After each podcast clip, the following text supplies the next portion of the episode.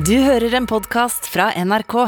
Jeg må si at det å sette seg inn i eh, kraftsystemet og kraftmarkedet både er noe av det mest interessante, men også noe av det mest frustrerende jeg har gjort som eh, journalist.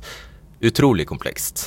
Og debatten har forsøkt å dekke så mange sider som eh, mulig av dette komplekset. Vi har snakket om kompensasjon og strømstøtte. Vi har snakket om hvorfor vi står i denne prekære situasjonen der vi er helt avhengige av eh, Eller der vi er helt prisgitt eh, prisen på gass. Vi har snakket om den europeiske kraftsituasjonen, og at det også handler om det grønne skiftet. Denne gangen tar vi den hakket lengre og snakker om norske forsømmelser. Egentlig norske politiske forsømmelser. Og det handler om at vi står nær et kraftunderskudd i Norge. Det er alvorlig, fordi idet du har et eh, underskudd, så mister du makt. Idet du har et overskudd, så har du makt. Og det igjen handler om pris. Hvis vi har et underskudd, så må vi importere. Og da må vi importere til en pris som den som selger til oss, er villig til å selge oss eh, strømmen for. Og det er eh, jo mange, mange vil si at det er en utrolig paradoksal situasjon for vannkraftlandet Norge å havne i. Jeg tror årsaken til at eh, vi har havnet her, er at uh, norske politikere har vegret seg for å snakke høyt om at når vi går inn i det grønne skiftet, så vil, eh, kreve, vil, det kreve mye mer strøm, men det vil igjen kreve storstilt kraftutbygging.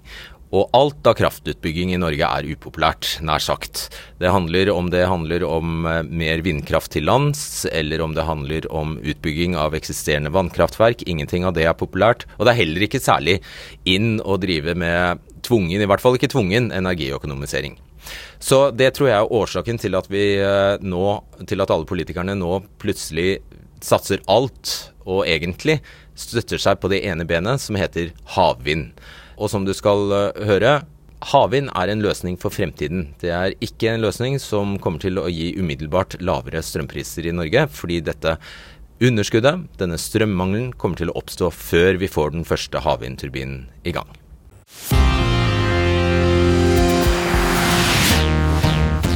Denne debatten skal handle om de skyhøye strømprisene. I går sto Jonas Gahr Støre og Trygve Slagsvold Vedum på en brygge i Oslo og sa at eh, de har som mål at vi skal ha lav og stabil norsk kraftpris. De skal sikre at vi ikke får for høye strømregninger. Men hvis du henger med, skal vi gå gjennom de største og viktigste tiltakene disse to har vedtatt for at Norge skal nå klimamålene innen 2030. Og vi skal vise at klimatiltakene i seg selv vil gi oss dyrere, ikke billigere strøm. I panelet vårt er statsminister Støre, finansminister Vedum, Ketil Solvik-Olsen, Frp, Rasmus Hansson fra MDG og Nikolai Astrup fra Høyre. Velkommen til dere. Vi får også besøk av vindkraft, havvindkraftbransjen etter hvert. Og så vil vi gjerne høre hva du mener. Du går inn på nrk.no nå og blir med i debatten der om du ønsker. Så la oss gå i gang. Det første vi må være klar over, er at vi allerede står på kanten av supet. Om få år kommer vi til å ha for lite kraft i Norge. I dag har Norge et kraftoverskudd på 15 TWh. Og 1 TWh er 1 milliard kWh. Og i fjor brukte hele Norge 140 sånne TWh. Om bare fire år tror Statnett at overskuddet på 15 TWh er redusert til 3 TWh. Men i Sør-Norge går det mot et faktisk kraftunderskudd. Og mine damer og herrer, kraftunderskudd betyr høyere strømpriser. For da må vi importere. For at Sverige og Danmark skal ville selge oss strøm i det hele tatt, må vi betale mer for strømmen enn svenskene og danskene.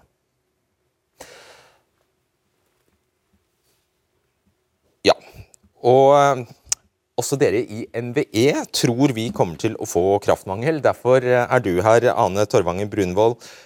La oss eh, nå se på hvorfor vi kommer til å få kraftmangel. For det første, kraftproduksjonen kommer til å stå nokså stille i Norge fram mot eh, 2040. Hvorfor det?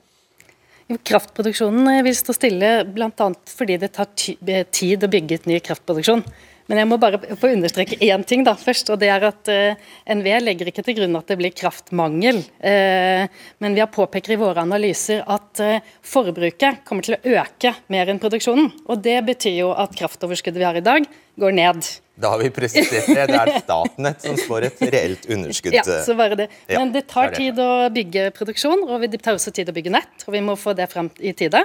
Og vi må samtidig unngå unødvendige naturinngrep. og ivareta de, de, demokratiske prosessene. Og som vi skal komme nærmere inn på, det er ikke høy jubel, stor jubel for verken vindkraft eh, til lands eller utvidelse av de eksisterende vannkraftverkene vi har, eller no, egentlig noen som helst eh, stor, eh, stor kraftproduksjon i Norge?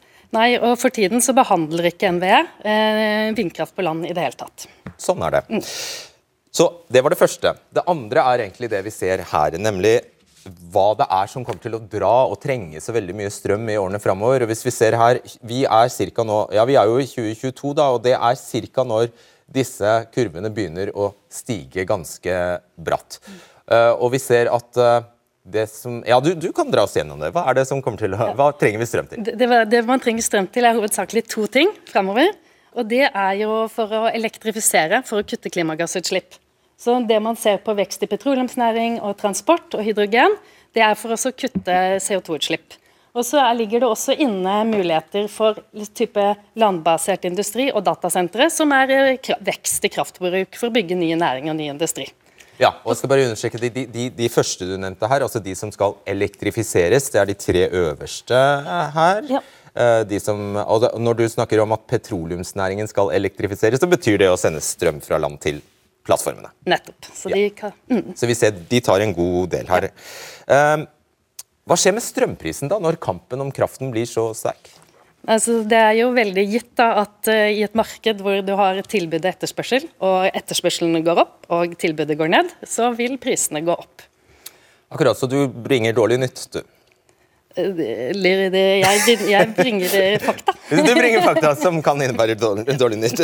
ok. Du, I går la altså regjeringen fram en eh, plan for utbygging av to havvindområder. Mm. Hvor mye havvind har dere lagt inn i deres prognoser? I vår langsiktige kraftmarkedsanalyse så har vi ikke lagt inn noe havvind før 2030.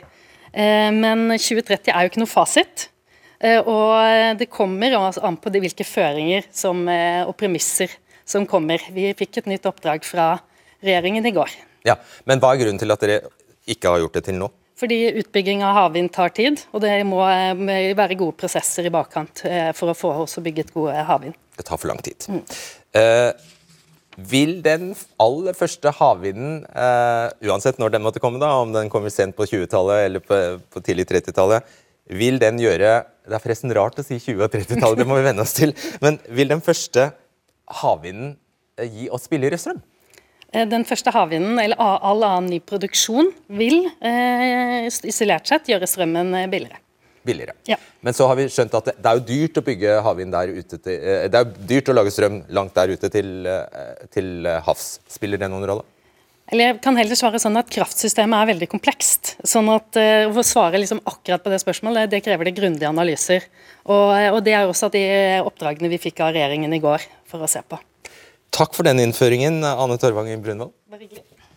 Ja, for uh, noen er det kanskje helt opplagt. Uh, selvfølgelig kommer det grønne skiftet til å koste penger. Vi må være villige til å betale mer for strømmen for å redde kloden.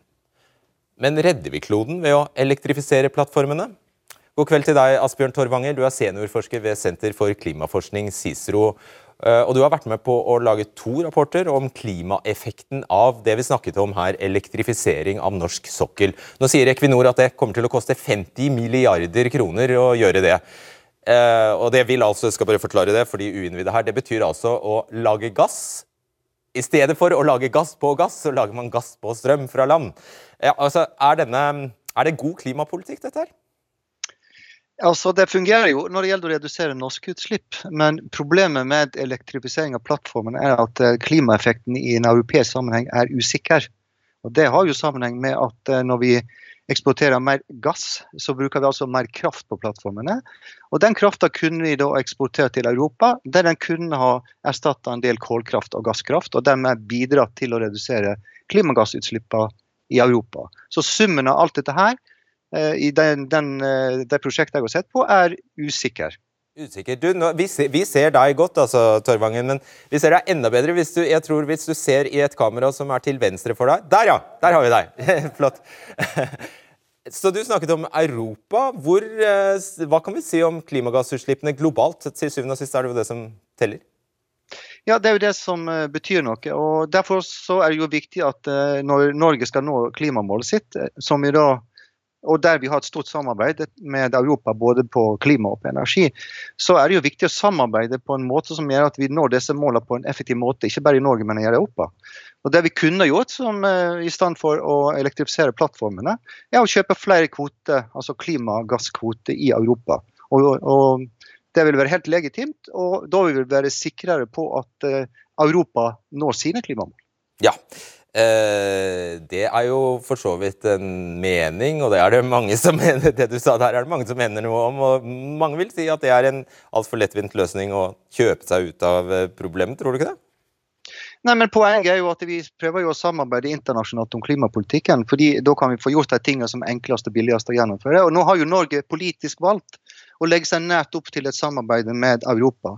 Så da syns jeg det er merkelig at en da avskriver den sjansen en har til å samarbeide med Europa og kjøpe en del kvoter for å dekke utslippene på sokkelen, når dette er billigere enn å eh, elektrifisere. Og jeg vil også legge til, kvotekjøpet det kan vi da stoppe når som helst. Men hvis vi først har brukt masse, mange milliarder på å bygge ut nett, så har vi brukt opp de pengene. Ja. Og da, da, ligger de der, i bakken. Eller, eller, i bakken, eller, eller i, i, i, kraftnettet. Ja, ikke sant. Så til slutt to ord om eh, realismen. Altså, hvis, det er jo sånn øh, Hvis sokkelen skal ha strøm fra land, så går det på bekostning av noe annet, som vi fikk forklart uh, her, her, i sted. Kan det da bety at Og Norge har jo som mål å, ha, å kutte utslippene hjemme. Kan det bety at vi rett og slett i 2030 må si til verden vi greide det ikke? Hvis vi ikke velger din løsning, da, som er å kjøpe kvoter. Ja, det er klart at eh, det vil være vanskeligere for Norge å kutte utslippene med 50% til 2030. Fordi um, petroleumssektoren står jo for 27% Så det blir jo helt umulig å få det til. Og, uh, vi, vi, men jeg mener jo at vi altså, kan samarbeide med andre land om å, å, få dette til. Og jeg tror at Hvis ikke vi gjør det, så blir det veldig vanskelig å se for seg at vi klarer å nå eh, dette klimamålet Eh, over alle sektorene vi har i Norge. Vi kan jo gjøre en del på transport, eh, jordbruk osv., men det blir veldig tøft. Det er notert, eh, Asbjørn Torvanger. Takk skal du ha. Og til dere veldig tålmodige politikere så må jeg bare si at uh, hold ut én gjest til, skal dere slippe til. For da skal jeg ønske velkommen til deg, Hildegunn eh, Blindheim. Som vi har sett, hvis olje- og gassindustrien skal ha masse strøm, ja da blir det tilsvarende lite strøm til noe annet.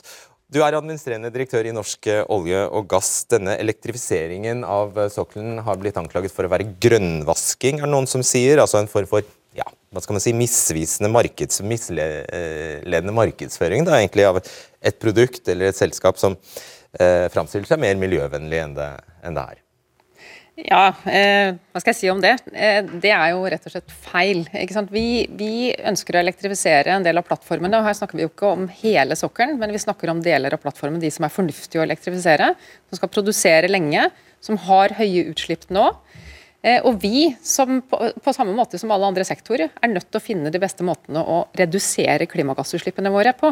Det vil, En ting er å nå våre mål, som vi selv har satt som næring. En annen ting er regjeringens mål, Stortingets mål og Europas mål. fordi det, det, er en del sånne eh, diskusjoner om men kvotepliktig sektor den trenger vi ikke gjøre noe med. Selvfølgelig gjør vi det. Vi trenger å rigge petroleumsindustrien på samme måte som landbasert industri til at vi er beredt for framtiden med lave utslipp, færre kvoter og høye CO2-priser. Jeg gjør en rask vurdering her av om jeg skal eh, eh, forklare hva kvotepliktig sektor er eller ikke. Jeg lar være. Ja.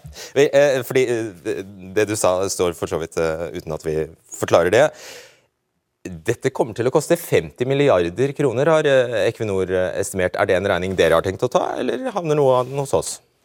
Ja, 50 milliarder er jo et tall som veldig mange slenger rundt seg. Det som er viktig å minne seg på her, er at de elektrifiseringsprosjektene vi nå utreder, de er rimeligere samfunnsøkonomisk enn veldig mange av de tiltakene vi må gjøre i andre sektorer. Så dette er samfunnsøkonomiske, fornuftige tiltak for å redusere klimagassene her i Norge og i Europa. Så, og det er, det er, rett og slett prosjekter som er lavere pris på å legge en kabel ut enn CO2-prisen. Så det er samfunnsøkonomisk. Ja, Hvor havner regningen? Eh, regningen havner jo delvis hos oljeselskapene, og med skattesystemet vi har, så er det jo også delvis hos forbrukerne. Delvis 78 Nei, for på sikt så blir det billigere enn om vi skal betale CO2, veldig høye CO2-priser.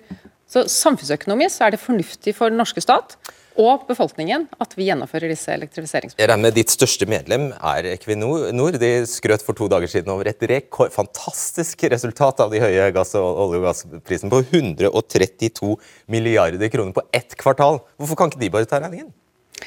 Ja, Det gjør de jo gjennom skattesystemet. Det blir jo et litt annerledes spørsmål. Vi, de betaler jo for dette. Vi har det skattesystemet. Vi har et nytt et som er under vurdering nå. Eh, og Det er jo ikke noe annerledes enn med andre, andre industrier, annet enn at vi har et høyere skattetrykk også. Alle de gassinntektene som, som nå har kommet inn til oljeselskapene, 78% av det går jo til den norske stat og befolkningen. Ja, Men eh, dette er vinn-vinn for dere, fordi eh, dere, dere kan jo selge altså Én ting er at dere slipper å bruke gass til å lage gass. Den gassen kan dere på toppen av alt selge til Europa som mm. verdens grønneste gass. ikke sant? Mm. Så ja. her er det bare sånn fra Det er derfor oljebransjen vil ha dette? Ja, men Dette er jo fornuftig både for oljebransjen og for nasjonen Norge og for Europa. Da får de enda mer gass, og det trenger de jo når de både skal fase ut kullkraft, de skal fase ut kjernekraft. De skal i tillegg ha balansekraft fordi du har mye variabel fornybar energi som går opp og ned. Så dette er ikke bare vinn-vinn for olje- og gasselskapene. Dette er vinn-vinn for oss som nasjon og Europa som region. Du verden. Mm. Takk skal du ha, Hildegunn Blindheim. Takk skal du ha. Ja, eh, jeg skal bare oppsummere før vi går i gang her. Vi har altså allerede rekordhøye strømpriser, det vet alle. Når vår strømpris i stor grad er altså styrt av gassprisene. Eh, og eh, situasjonen blir ikke drastisk bedre der før gassprisene synker. Lenge har det vært tydelig at vi styrer mot et kraftunderskudd, som jeg sa, fordi det er motstand mot nær sagt alt av kraftutbygging i Norge. Og fordi vi trenger mer strøm, bl.a. til plattformene. da. Med kraftunderskudd stiger strømprisene. Og Dette underskuddet blir altså bare større av at vi skal elektrifisere sokkelen. Og Nå kommer protestene fra de som må konkurrere med oljeselskapene om strømmen. Rogaland Høyre vil stoppe hele elektrifiseringen. Og Vestland fylkeskommune sier nei til å sende strøm fra Samnanger til plattformene. Jonas Gahr Støre, dere skriver i Hurdalsplattformen at elektrifisering av sokkelen skal skje i størst mulig grad med havvind eller annen, annen fornybar strøm produsert på sokkelen. Og det første dere gjør, altså, eller ved første anledning, så går dere altså hen og sender havvinden, all den havvinden dere har tenkt å produsere i første omgang, rett til land. Hvor, hvorfor det? Ja, nå er det mange store spørsmål. Eh, vi skal gjøre flere ting. Hurdal ser jo framover hvordan vi skal utvikle dette viktige potensialet som er i havet. Havvind, landvind og sol, pluss den tillegg fra vannkraft, det er de stedene vi kan hente ny fornybar kraft i Norge. Nå åpner vi for havvind. Så sier vi at en del av den havvinden skal vi ha i land i Norge, fordi vi har stort behov i Norge. Du overdriver jo dette store underskuddet, som du sier. Forskeren fra NVE sa jo det at uh, med, med, hele Norden så kommer vi til å ha et kraftoverskudd. Men det minker fordi forbruket øker. Så da er, opptatt, da er vi opptatt av å få inn mer kraft. Men så må vi jo se den enorme visjonen det er å begynne å produsere kraft fra havet. Eh, neste fase der nede i sørlige Nordsjø eh, skal kanskje kobles opp på et nett rundt Nordsjøen. Og så har vi Utsira, som ligger litt lenger eh, utenfor Vestlandet. Der skal vi ha flytende havvind. Og Dette er jo for å kunne produsere kraft som både kan gå til sokkelen, altså til plattformene. Jeg har en tanke om at du kan, og det sier også industrien, kanskje kan vi produsere like mye kraft, vindkraft i havet som du bruker kraft på plattformene. Men det må være en kombinasjon mellom kraften fra vindkraften i havet og noe kraft fra land for å være stabilt. Ja, men skal vi prøve å forholde oss til det målet dere selv har satt, nemlig 2030? Innen da så er, ikke, så er, det ikke realistisk å få til veldig mye havvind. og Da lurer jeg på hvor skal all den kraften som plattformen trenger, komme fra da? Den kommer til å komme fra land på de plattformene som eh, Hildegunn Blindheim sa er modne for det. Det blir vurdert fra tilfelle til tilfelle. Helt siden 1996 så har selskapene måttet vurdere om elektrifisering fra land er et riktig alternativ. Store, kjente navn som Troll-plattformen og eh, Sverdrup er nå drevet med kraft fra land. Men så er vi jo da opptatt av at gradvis skal vi kunne få nye kraftressurser, som kraft i havet. Ja, ja, men, Tidligere var det snakk om å komme et stykke ut på 30-tallet. Nå tror jeg vi kan begynne å se det at det kommer på slutten av 20-tallet. Ja, Men klimamålet er jo 2030. Jo, men innen 2030 så skal vi altså Og det er derfor eh, forskeren Torvanger la meg bare si, er uenig med han. For han sier det at eh, la de plattformene fortsette å slippe ut. Norge Eh, skal nå sitt mål om 50-55% Vi har sagt 55 mm. og vi skal til null i 2050. Og Da må denne industrien Det er jo dette som er spennende. Det er både klimatiltak og det er jo et utrolig spennende industritiltak. For her lar vi industrien utvikle elektrifisering. Det er masse industrielle ting for vår leverandørindustri som kan bli viktig når vi skal være ledende for dette i Europa. Si, det, jeg, jeg, sa at, eh, og jeg, skal, jeg, har tenkt å love det, Dette er en sending om strømpriser. Så hva skjer med strømprisen når alle plattformene skal ha eh, masse strøm? Ja, Vi må utvikle mer kraft i Norge. Hva skjer med strømprisen nei, hvis, da? Hvis... Eh, det er jo riktig at hvis etterspørselen går opp og tilbudet går ned, men vi lever vi er jo koblet opp med andre land. Så vår ambisjon er jo helt klart at vi fortsatt skal ha lave priser. Vi skal ha et overskudd på kraft i Norge, slik at den fordelen norsk industri har, og du og jeg Du hører jo selv at du snakker deg vekk fra et kjempeenkelt spørsmål. Hva skjer med kraftprisen hvis vi ikke, hva skjer med strømprisen hvis vi ikke greier å få på plass mye norsk eh, strøm? når du skal sende strømmen ut til plattformene. Hva skjer med strømprisen da? Hvis ikke vi klarer å få ny kraft inn i markedet, så må vi se nøye på hvordan vi også gjør elektrifisering. Vi har ikke vedtatt elektrifisering av hele sokkelen. Her må vi ta prosjekt for prosjekt. Og vi ønsker å ha som mål, det står i Hurdal, at vi skal ha fortsatt lave priser. Nå er vi jo i en ekstremsituasjon pga. gassprisen i Europa. Men vårt mål er å komme dit at både gjennom å få ny kraft inn, kunne energieffektivisere, økonomisere i bygg og på mange områder, så skal vi ha lave kraftpriser i Norge. Ketil Solvik-Olsen, du er nestleder i Frp. Meningsløs symbolpolitikk, penger rett ut av vinduet. Vindu, sånn har dere beskrevet elektrifisering av uh, sokkelen. Hva er FrPs plan da for å kutte utslipp, for det er hele poenget? For det første 50 milliarder kroner brukt, som ikke gir mer energi i markedet. Det er bare å skyfle vannkraften ut på sokkelen, gassen ned til Tyskland, som vi så skal importere igjen. Gir ingen mening. Skal vi bruke 50 milliarder kroner, så må det i hvert fall være for å øke strømproduksjonen i Norge. Det gjør ikke elektrifisering.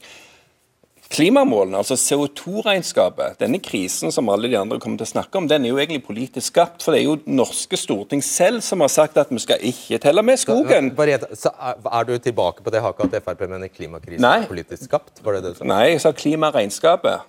Krisen, altså den diskusjonen som er, med, altså Det som statsministeren sier, vi må elektrifisere sokkelen for å nå klimamålene. Vel, klimamålene er politisk satt. Og De samme politikerne har sagt vi skal ikke regne med norsk skog når vi lager det regnskapet. Hvis vi hadde brukt skog på samme måten som resten av Europa, så hadde ikke dette problemet eksistert. Da kunne vi sluppet å bruke 50 milliarder kroner ut vinduet på å nå et mål som er politisk satt. Bør, altså poenget er når vi bruker skattebetalerne sine penger, så må vi øke strømproduksjonen, og vi bør gjøre det på billigst mulig måte. Og vi må heller sørge for at mer industri kommer til Norge og foredler norsk strøm, enn at vi dytter gassen til Tyskland, vannkraften ja, ut i sjøen og industrien til Kina. Hvorfor vil ikke du høre på olje, olje- og gassbransjen, som du vanligvis gjør? Fordi de skal finansiere dette med skattebetalerne sine penger. Det er helt meningsløst. De skal innfri de politiske målene som de andre har satt, med andre sine penger. Hvis du hadde gitt meg en milliard kroner, kan skynde jeg kunne skrytt av alt jeg skulle brukt de til. Men jeg tror jeg hadde brukt de pengene mer forsiktig hvis det var mine, enn når jeg bruker andres. Og Det er det samme problemet med olje- og gassbransjen. Her har du en milliard kroner, kunne jeg ha sagt. Jo, men jeg mener det er meningsløst å gjøre det når det de skal bruke penger til, ikke gir mer energi enn i kraftnettet. Bare flytte på utslippene fordi politikerne skal skryte av at utslippene går ned i Norge, og så øker de andre steder. Alright. right.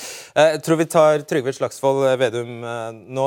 Du er finansminister. Din partikollega landbruksminister Sandra Borch har sagt at dere ønsker elektrifisering av sokkelen, men at det skal skje med havvind. Olje- og energiminister Marte Mjøs Persen har sagt at elektrifiseringen krever økt bruk av kraft fra land, iallfall fram til 2030. Vil dere utsette elektrifiseringen eh, fram til det produseres nok havvind, eller hva er planen? Nei, planen er at vi skal ha lavere strømpris i Norge. Der er jo regjeringa helt tydelig. For vi mener at de strømprisene som er nå, er for høye. og Derfor så lanserte jo Støre og jeg i går den utbygginga av mer havvind. At den skal gå da direkte til en kabel til norsk fastland, i stedet for sånn som forrige regjering hadde lagt opp, at den skulle også kunne da eksporteres. Og Når det gjelder da elektrifisering av sokkelen, så er jo også regjeringsplattformen helt klar. Der skal vi vurdere hvert enkelt prosjekt. Se hvordan slår det ut. Kan det påvirke strømprisen for mye? Da må vi vente, da må vi få på mer plass, mer produksjon. Så at vi sikrer at norsk industri, norske husholdninger, at de skal oppleve framover mer trygghet rundt strøm, ikke mer utrygghet, sånn som man har opplevd de siste månedene. Hvilket spørsmål følte du du svarte på nå? Jeg svarte på det jeg brenner for, og jeg brenner for at vi skal få ned strømprisen i Norge. Og så er jeg også opptatt av at vi skal ta, videreutvikle en av verdens reneste ja. olje- og gassindustrier som skaper enorme verdier for deg og meg. Altså, vi har enorme ja. nytteverdier av olje- og gassindustrien. Men så skal vi, skal vi elektrifisere sokkelen, så må det også gjøres på en måte som gjør at vi ikke lager sjokk i strømmarkedet. og Derfor må vi få på plass havvind, nye teknikker. Sørge for at det gjøres Stopp. på en måte som ja. gjør at vi skaper mer verdier, ikke Stopp. mindre verdier. Stopp. Det er jo nettopp det, derfor vi er her. og det, det, var jo, det, det, var jo, derfor jeg spurte deg. Fristen er 2030. Det har du skrevet under på. Fristen for uh, klimamål, Norges klimamål er 2030. Innen da skal du ha elektrifisert sokkelen. Din plan om havvind kan trå i kraft i beste fall på slutten av 20-tallet. Så du har jo ikke disse årene. Så hva er planen? Hvor skal du ta strømmen fra som du har planer om å sende ut til plattformene? Hvor skal du ta den fra? Ja, nå leser du fra regjeringsplattformen starten sjøl, Fredrik Solvang, og der står det jo nettopp at vi skal gjøre det her i tur og orden. Og også ta hensyn til andre samfunnsinteresser, for vi er så opptatt av å få mer industri og også få ned prisen for, for, for deg og meg da, når vi skal bruke strøm i hverdagen. Og så må vi selvfølgelig øke produksjonen i vannkraftanleggene. Vi må ha, faktisk så er det ganske stort solpotensial i Norge. Vi må også der, det er ønska lokalt, der man ønsker lokalt å ha landvind øh, og havvind og en miks av tiltak vi skal gjøre for å få mer produksjon. Men hele tenkninga er jo at i Norge så har fornybar kraft vært et fordel for deg og meg, for oss alle. Og det er denne rene markedstenkninga, det er bare eksport, eksport. Uh, har vært liksom litt ledende, som f.eks. Astrup når det gjelder uh, havvind. Den må vi bort fra og tenke politisk at vi må ha en kraftpolitikk som sikrer lav og lavere kraftpris i Norge enn det vi ser i resten av Europa. For et ja-nei-spørsmål, eh, Vedum. Visste du at den nye kabelen til eh, England utvider eksportkapasiteten til 80 TWh? Altså over halvparten av Norges eh, totale, totale, totale forbruk. Visste, visste du det? Det er et kjempeproblem. fordi at det også Forrige regjering med Frp i spissen signerte en avtale både med Storbritannia og EU om at man ikke kunne styre eh, eksporten gjennom de kablene med bakgrunn i pris. Men i dag har jo regjeringa varsla at vi vil gå inn i avtalene både med Storbritannia og med EU, og se på de avtalene som ble signert 2015 med Frp i regjering. Og Det var en veldig uklok måte Frp styrte på. Vi skal styre annerledes med et klart mål om å få ned strømprisen i Norge over tid. Du skal få svare etterpå. Du skal få svare på. Eh, Nikolai Astrup, du er altså Stortingets representant eh, for Høyre.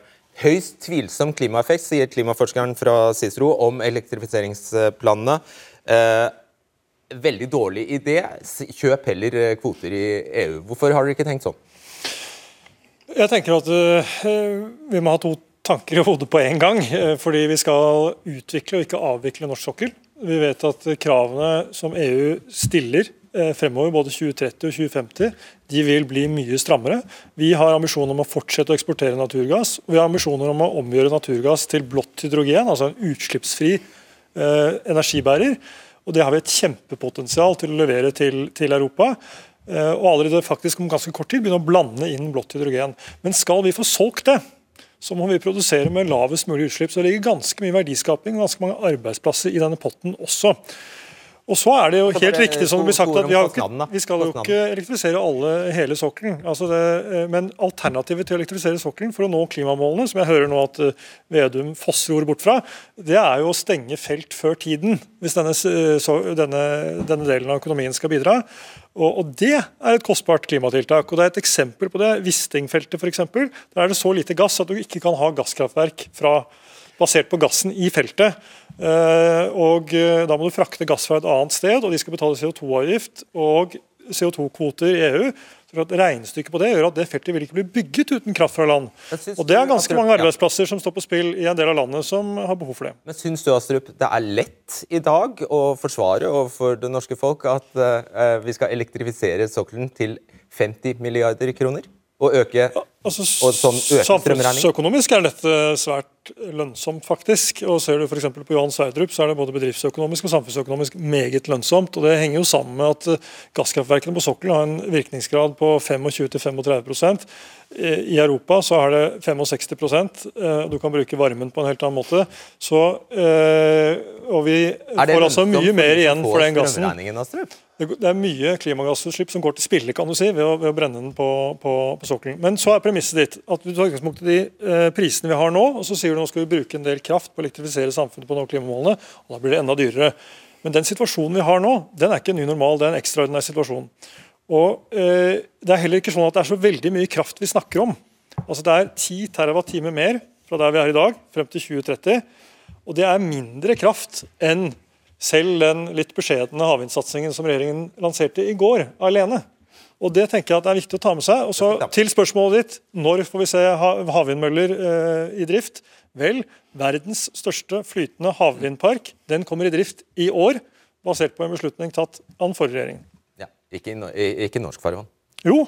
Hywind Tampen. Ja, hvor, Den skal for, for øvrig forsyne to oljefelt med strøm. Så dette er et, eh, Det skjer nå, og det er et viktig, eh, en viktig forløper. kan du si, Det som skal skje på Utsira nord, som vi skal komme tilbake til. Men, eh, kommer også- til men du må ha med ett perspektiv altså. til. og det er at Vi se- kan ikke se dette i norsk perspektiv, vi må tenke Norden. Og kraftoverskuddet i Norden er 50 terawatt-timer nå. Og det skal bygges 40 terawatt-timer mer vindkraft i Norden frem til 2026. Og det tilsvarer ganske nøyaktig den forventede forbruksveksten i Norden. Slik at det kommer fortsatt til å være 50 TWh med overskudd med strøm i 2026. Men som jeg sa og det- ser programlederen dessverre helt bort Nei, jeg sa det i sted. Jeg sa det i sted at vi kan komme til å importere fra Sverige. Så Så det må vi ha med oss. jeg sa det. Rasmus Hansson, du er stortingsrepresentant for eh, MDG. Er du enig eller uenig? Eh, Hvem er du enig med? Jonas Gahr Støre eller klimaforskeren når det gjelder elektrifisering av sokkelen? Jeg syns begge to uh, rota seg forholdsvis langt ut i havtåka. Uh, det som er klart, det er elektrifisering av sokkelen er vinn-vinn for oljeselskapenes uh, klimaomdømme og lommebok. Og så er det tap-tap for norske forbrukere og norsk eh, natur. Eh, og så har det ingen betydning for klimaet, bortsett fra at det bidrar til å sminke en oljevirksomhet som vi burde trappe ned. hvis vi hadde tatt det internasjonale klimaansvaret vårt, vårt ordentlig. Så dette er en veldig dårlig løsning, eh, som vi burde løst på en annen måte, nemlig å avvikle oljevirksomheten. Men hvis vi skal elektrifisere sokkelen, og det må vi jo gjøre på en del områder fordi det er satt i gang en god del eh, prosjekter, da bør det gjøres med havvind, og det må betales av eh, oljesektoren selv. Ok. Hvis vi hadde utvikla et tåkekraftverk og satt det på finansminister Vedum, så hadde vi jo løst kraftkrisen. For dette er jo bare bortforklaring de luxe. For det første, 50 milliarder kroner gir ikke en eneste kilowatt mer timer inn i kraftsystemet. Den offshore vindkraften som vi snakker om nå, ja, den vil skape energi. Men den koster ei krone per kilowattime. Og Vi har allerede sagt at 70 øre er unormalt høyt og skal ha krisestøtte. Jeg mener jo at 70 øre òg er altfor høyt. Snittprisen de siste åtte årene var altså 33 øre. Så vi snakker om at det som skal løse de høye strømprisene, det er å bruke mer av vannkraften på sokkelen, og så begynne å produsere strøm som koster en krone per kilowattime. Det gir ingen mening. Og dette er igjen en lager planer for de andre partiene, som en så binder seg til å lage dårlige løsninger basert på. Støre. Altså, Det er jo ikke underlig at vi har ulik tolkning for Frp, som er mot at vi skal nå de klimamålene, mot å treffe de tiltakene. Jeg tror, det faktisk, jeg tror faktisk det er en vinn-vinn her. La meg bare ta det litt grundig. Vi må produsere mer fornybar kraft. Det kan være vind på land, det er krevende, men der har vi en mulighet til å produsere mer, om vi gjør det i samarbeid med Har du lyst kommuner til og å si hvor du har tenkt å plassere Nei, de men, jeg, men jeg, jeg er modig nok til å si at jeg tror vi må gå den veien. Vi må gjøre med mye større innflytelse fra kommuner, og vi må bruke mye mer norske muligheter, at lokalsamfunn sitter igjen med eh, fordeler fra det.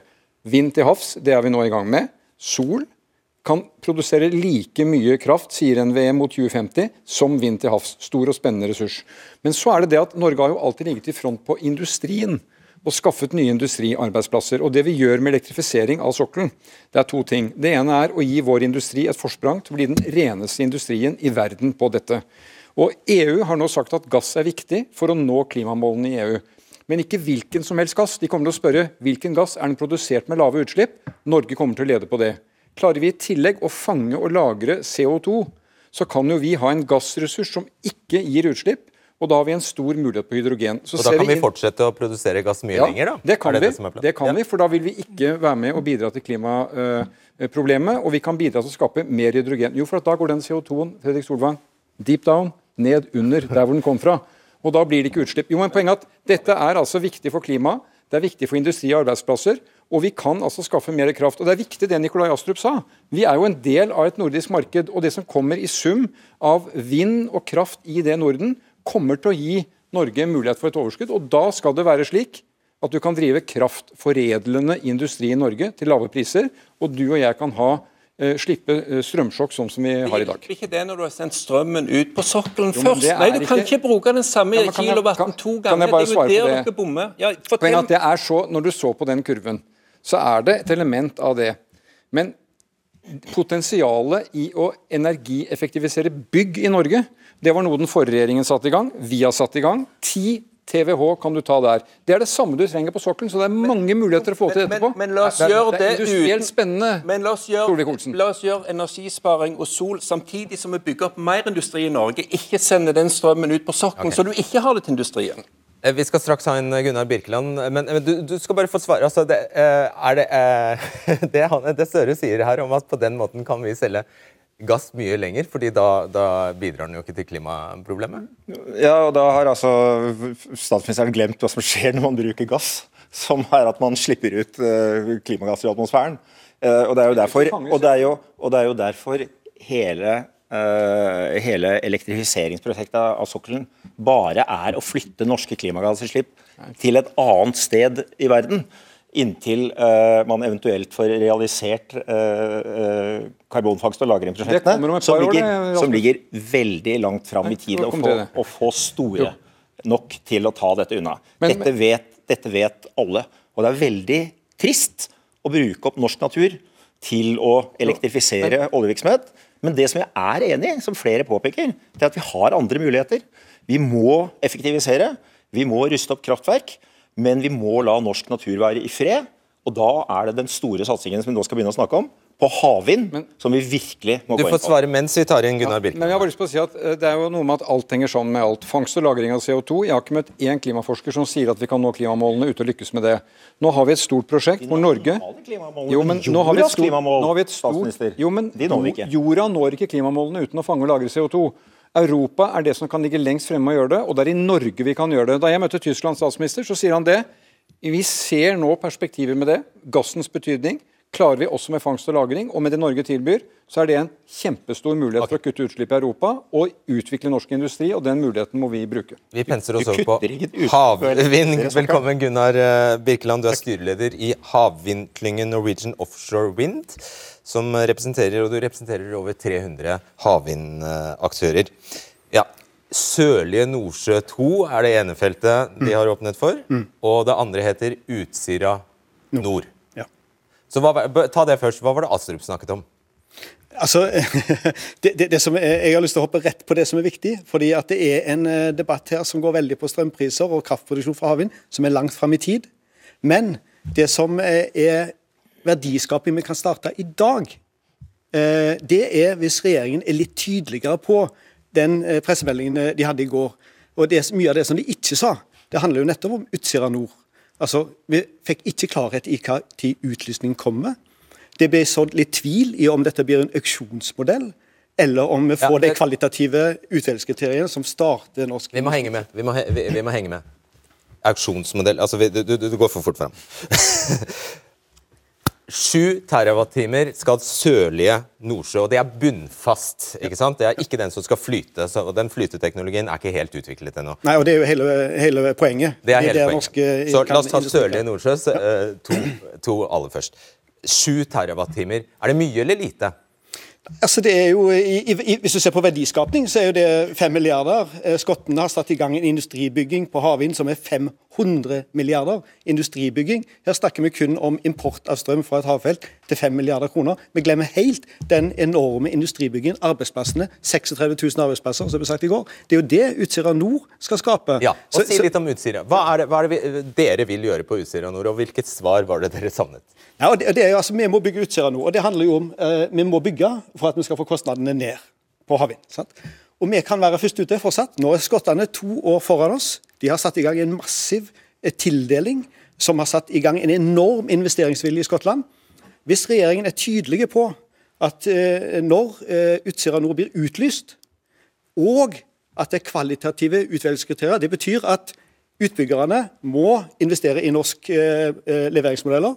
Da får vi bygd opp langs kysten ny industri, arbeidsplasser. Det er jo det vi venter på. Det å få klarhet i når utlysningen, og få med disse kvalitative utvelgelseskriteriene. Det ble det så tvil om i går. Ja, eh, så eh, Sa du noe om det i det hele tatt? Nei, men jeg vil ikke utelukke at det er det vi kommer til å gjøre. Eh, Det vi ønsker er jo å få til en mobilisering av norsk industri. Bygge på skuldrene av den industrien vi har. Du ser den plattformen på, på pinsen hans der. Det er jo ting vi gjorde når vi bygget oljeplattformer. Og så har vi disse store møllene på toppen. Så nå uh, går vi altså i gang med det som er teknologisk ganske enkelt uh, uh, i, i den sørlige Nordsjø. Og så er det jo det veldig spennende prosjektet som er her. Så jeg vil også si at det som skjer i Skottland, der er jo Norge med. Norske selskaper er jo med på den utviklingen. Jeg var i Brooklyn, New York for tre uker siden. Der skal Equinor eh, bidra til at det kommer kraft til to millioner husstander med sin teknologi og kunnskap. men det, det, er det er skotsk leveranse eh, som, som gjelder der. sant? Altså Skottene har vært veldig flinke. De har sett krav til eh, lokalt innhold. sette, jeg kan, Birkeland, jeg kan si til deg det, vi skal sørge for en modell som bidrar til norsk industriutvikling, norsk, norske arbeidsplasser, norsk leverandørindustri. Eh, og så blir det jo opp til dere å levere modeller. Vi er jo ansvarlig på vegne av statens penger at vi også stiller krav til dere, slik at det blir en god avtale for fellesskapet. Og så skal du få forklare det med auksjon. fordi Det ble sagt at eh, de vil, eh, de vil vurdere i hvert fall å bruke en auksjonsmodell. Hva betyr det? Nei, auksjonsmodell det fører jo til at altså, utvelgelseskriterier da setter en klare krav til at det skal være local content. Det er klare krav til at en skal investere i Norge. Og, at, eh, og hele poenget er at vi vil bygge disse store flyplassene. Hvis du skal bygge ut det her, så må du sørge for at det bare er norske leverandører. i Ikke bare. eh, Det du må være innunder EU- og ESØ-regulativet, men, men eh, dette vet regjeringen. Altså Det å få til sånne ordninger som, som sikrer at du får en stor norsk industri. Men auksjonsmodellen er ikke det. Den er liksom fritt fram. Og jeg skjønner jo poenget, spesielt kanskje... Fordi det kanskje går bare på pris? da er det derfor? Ja, altså For Sørlige Nordsjøen, det en er på jakt etter her, det er jo billigst mulig strøm til land. Eh, Det vil ikke bygge noen norsk industri. altså Bunnfast i Nordsjøen bygger ikke noen norsk industri på en auksjonsmodell med, med kabel til land. Men du vet, eh, altså poenget er at eh, en auksjonsmodell Du vet hvordan det er å gå på auksjon. Du byr, og den som eh, vinner, eh, får eh, kontrakten. Men du, kan, men du kan stille krav til de som skal delta i den konkurransen, at de må oppfylle det. Men når det gjelder Utsira, som jo da er dette flytende havvind, som jo er et stort og spennende konsept, så skal vi finne den riktige modellen for å drive både industriutvikling og finne den beste avtalen for fellesskapet. Og så kan det bli masse spennende kraft. Så la vi si en ting til. NVE fikk et annet oppdrag i går. Og det var å se nå, i tillegg til de to feltene vi sier nå, sør i Nordsjøen og Utsira, kartlegge langs hele kysten vår nye områder for havvind. Så her er det masse spennende det er jobb for dere. Det var en, bra, en del gode ting som kom i år, absolutt. Og det med åpning av nye ha- havområder, veldig bra. Men nå står det jo en eh, industri opp langs kysten. altså Rogaland, Sunnhordland, ikke minst Sogn og Fjordane har jo allerede begynt å investere. Det er bra. Nettopp fordi at de tror at det kommer en utlysning med klare utvelgelseskriterier. Ja. Men nå er det liksom litt sånn handoff. Nå er en litt forsiktig. Nå tør en ikke investere. Hold ut, hold nei, ut. nei, jeg kan ikke holde ut. Du må komme med veldig klare beskjed at her kommer det utlysning. Når kommer den? Det blir eh, Ikke bankebord, bordet her. det, det blir kvalitative utvelgelseskriterier. Ja, men det er utrolig viktig at det kommer nå, fordi det vil starte en massiv investering i norsk industri. Ok, jeg tror han skjønte. Jeg tror han tatt poeng. Tusen takk for at du, eh, du kom. Gå bare eh, til eh, Trygve Slagsvold Vedum. Eh, igjen tilbake til strømprisen, som du er så opptatt av. Det ble kjent at det er blitt kjent, og disse disse anslagene ble gjort i 2019 av Olje- og energidepartementet. Eh, Utsira nord, for der vil det koste der, må, der er man avhengig av en strømpris på 116 øre kilowattimen for å få lønnsomhet i det. Og eh, Sørlig Nordsjø 2 69 øre. Og dette er jo priser som, altså, som er langt forbi det vi, vi ønsker. Ja, Det er det ingen tvil om at det er det. Eh, Men når vi får mer strøm inn i markedet, så vil det presse prisene ned. Og så har vi jo sagt da, for Sørlige Nordsjø at vi skal ha en auksjonsmodell. Der kan vi stille krav eh, til hvordan det skal gjøres, men også da selvfølgelig få det billigst mulig. Men så er jo hele tenkninga når vi da sier at kabelen skal gå inn i det norske markedet, er jo nettopp fordi at vi da også bruke statens kraft til å få til de her utbyggingene, eh, og samtidig da presse kraftprisene ned. Så det, det vil virke dempende på kraftpris når du får mer kraft inn i markedet. og Det, det er jo det som var hele målet til regjeringa. At vi eh, konkluderte da med tidligere denne uka her om at vi skulle, til den første utbygginga skulle hele kraftproduksjonen gå inn til norsk, eh, norsk fastland. Dette er jo nær sagt økonomisk teori vi snakker om her. Rasmus Hansson, hadde det, ste, vil, er du, tror du det, det vil skje hvis du bare sender havvind til Norge, at prisen faller? Eh, Nei, det tror jeg ikke vil skje, og det er det ingen av eh, utbyggerne som tror heller. Det de tror, er at eh, hvis man bygger eh, ut havvind i Søndre Nordsjø med kabel som går både til kontinentet og til Norge, så vil det komme mer kraft til Norge, og det vil bli lønnsomt, men man kan også eksportere. Da vil vi få lavere uh, priser. fordi vi Først ikke skal du bruke skattepenger på å bygge masse havturbiner i, ha, i havet, og så skal du sende strømmen ut? Nei, Uh, dette vil selskapene betale selv. Det er lønnsomt å gjøre det med en hybridkabel, men regjeringen har i sin uh, utgrunnelige visdom valgt å bare ville sende strømmen til fastlandet, og det er ikke lønnsomt. Men man får si én ting til, og det er at det er jo hyggelig å stå her i 2022 eh, og debattere starten på norsk havvind. Jeg foreslo at vi skulle komme i gang med dette her i 2015. Da stemte alle imot. Tenk hvor mye lenger vi hadde kommet hvis viljen til å satse på det som er det suverent største energiressursen som uh, Norge har, og den største industrimuligheten vi har til å erstatte arbeidsplasser etter olja, hvis vi hadde kommet tidligere i gang med den, så hadde vi vært ute av ganske mange av de problemene som vi står i nå. Og nå må vi bare få opp farta, og ikke gjøre det som regjeringen gjør, som er å gå nærmest baklengs inn i vindkrafteventyret. Så kloke var de nå en gang, ikke, ikke da, Rasmus Hansson? Eh, Astrup, det er jo din, det er faktisk din modell, det å bare sende kraften eh, dit, man får mest betalt, betalt for den, og det trenger ikke å være Norge.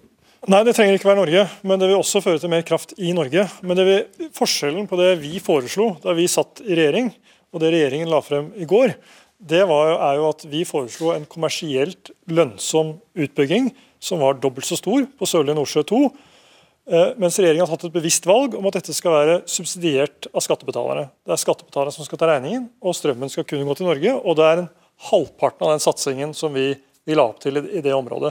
Og Det mener jeg er synd, fordi, og jeg har kalt det et industripolitisk mageplask. og det er fordi Skal vi få et hjemmemarked som virkelig det svinger av, så må du ha volum.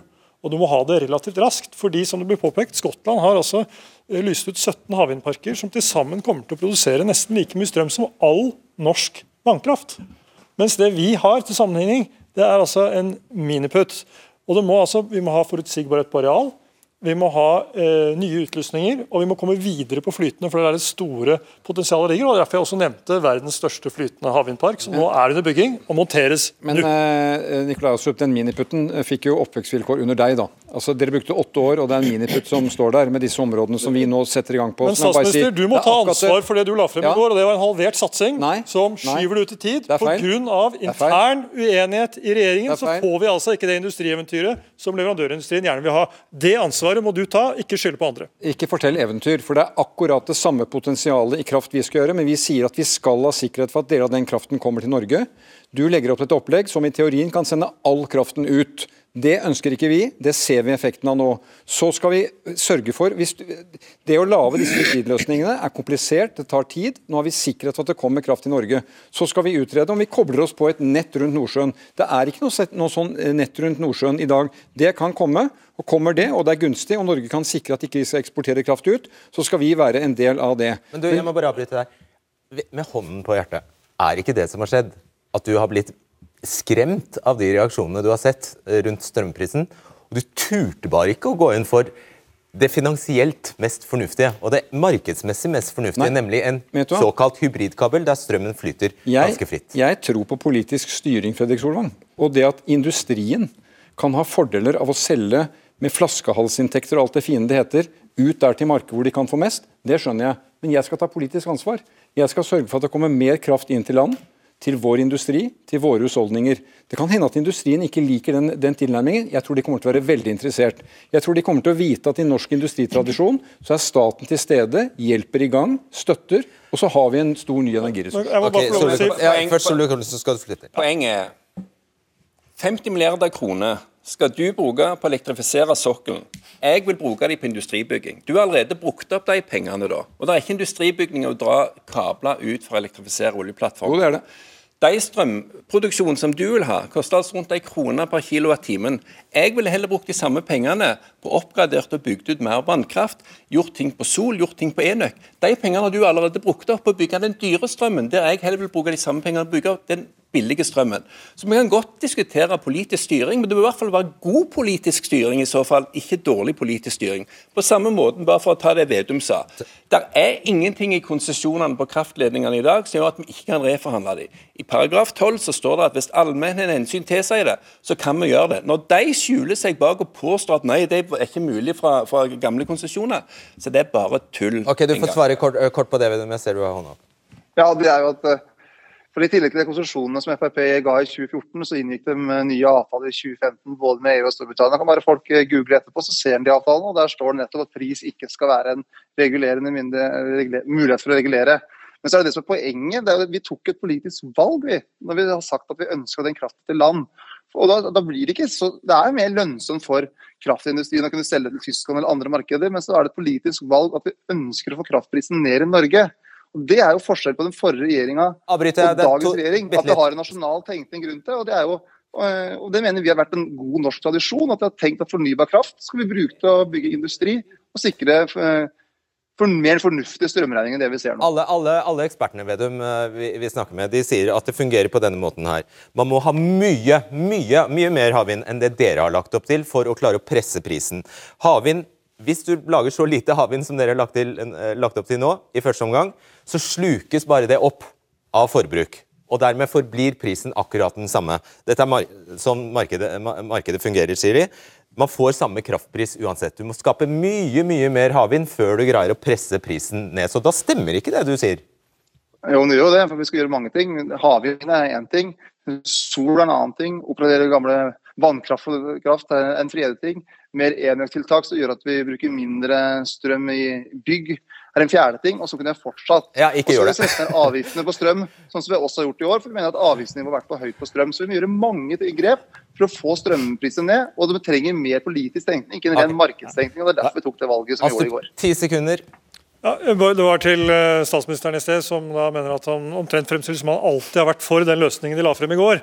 Men altså Arbeiderpartiet har vært tilhengere helt frem til i går av et hybridnett og av å tenke større enn det de gjorde i går. Det er ingen tvil om at den puslete enigheten som kom i går, det er et resultat av politisk uenighet mellom han vi akkurat hørte, og han som står der. Ikke det en ærlig sak, da? Kan du ikke bare si det? Nei, men altså, pusle se, men se deg selv i speilet hva du gjorde i åtte år. Vi har sittet i fire måneder, og nå har vi utlysning. Nå kommer det i gang. Vi gjør de arbeidet som skal gjøres. Og uh, Les i Hurdal, den Arbeiderpartiet underskrevet, der står det veldig tydelig. Ja, vi skal produsere havvind. Det lå i vår energimelding uh, en dobbelt så stor satsing okay i Sørlige Nordsjø 2, som du har halvert. Det må du ta ansvar for. Og det ordet er natur.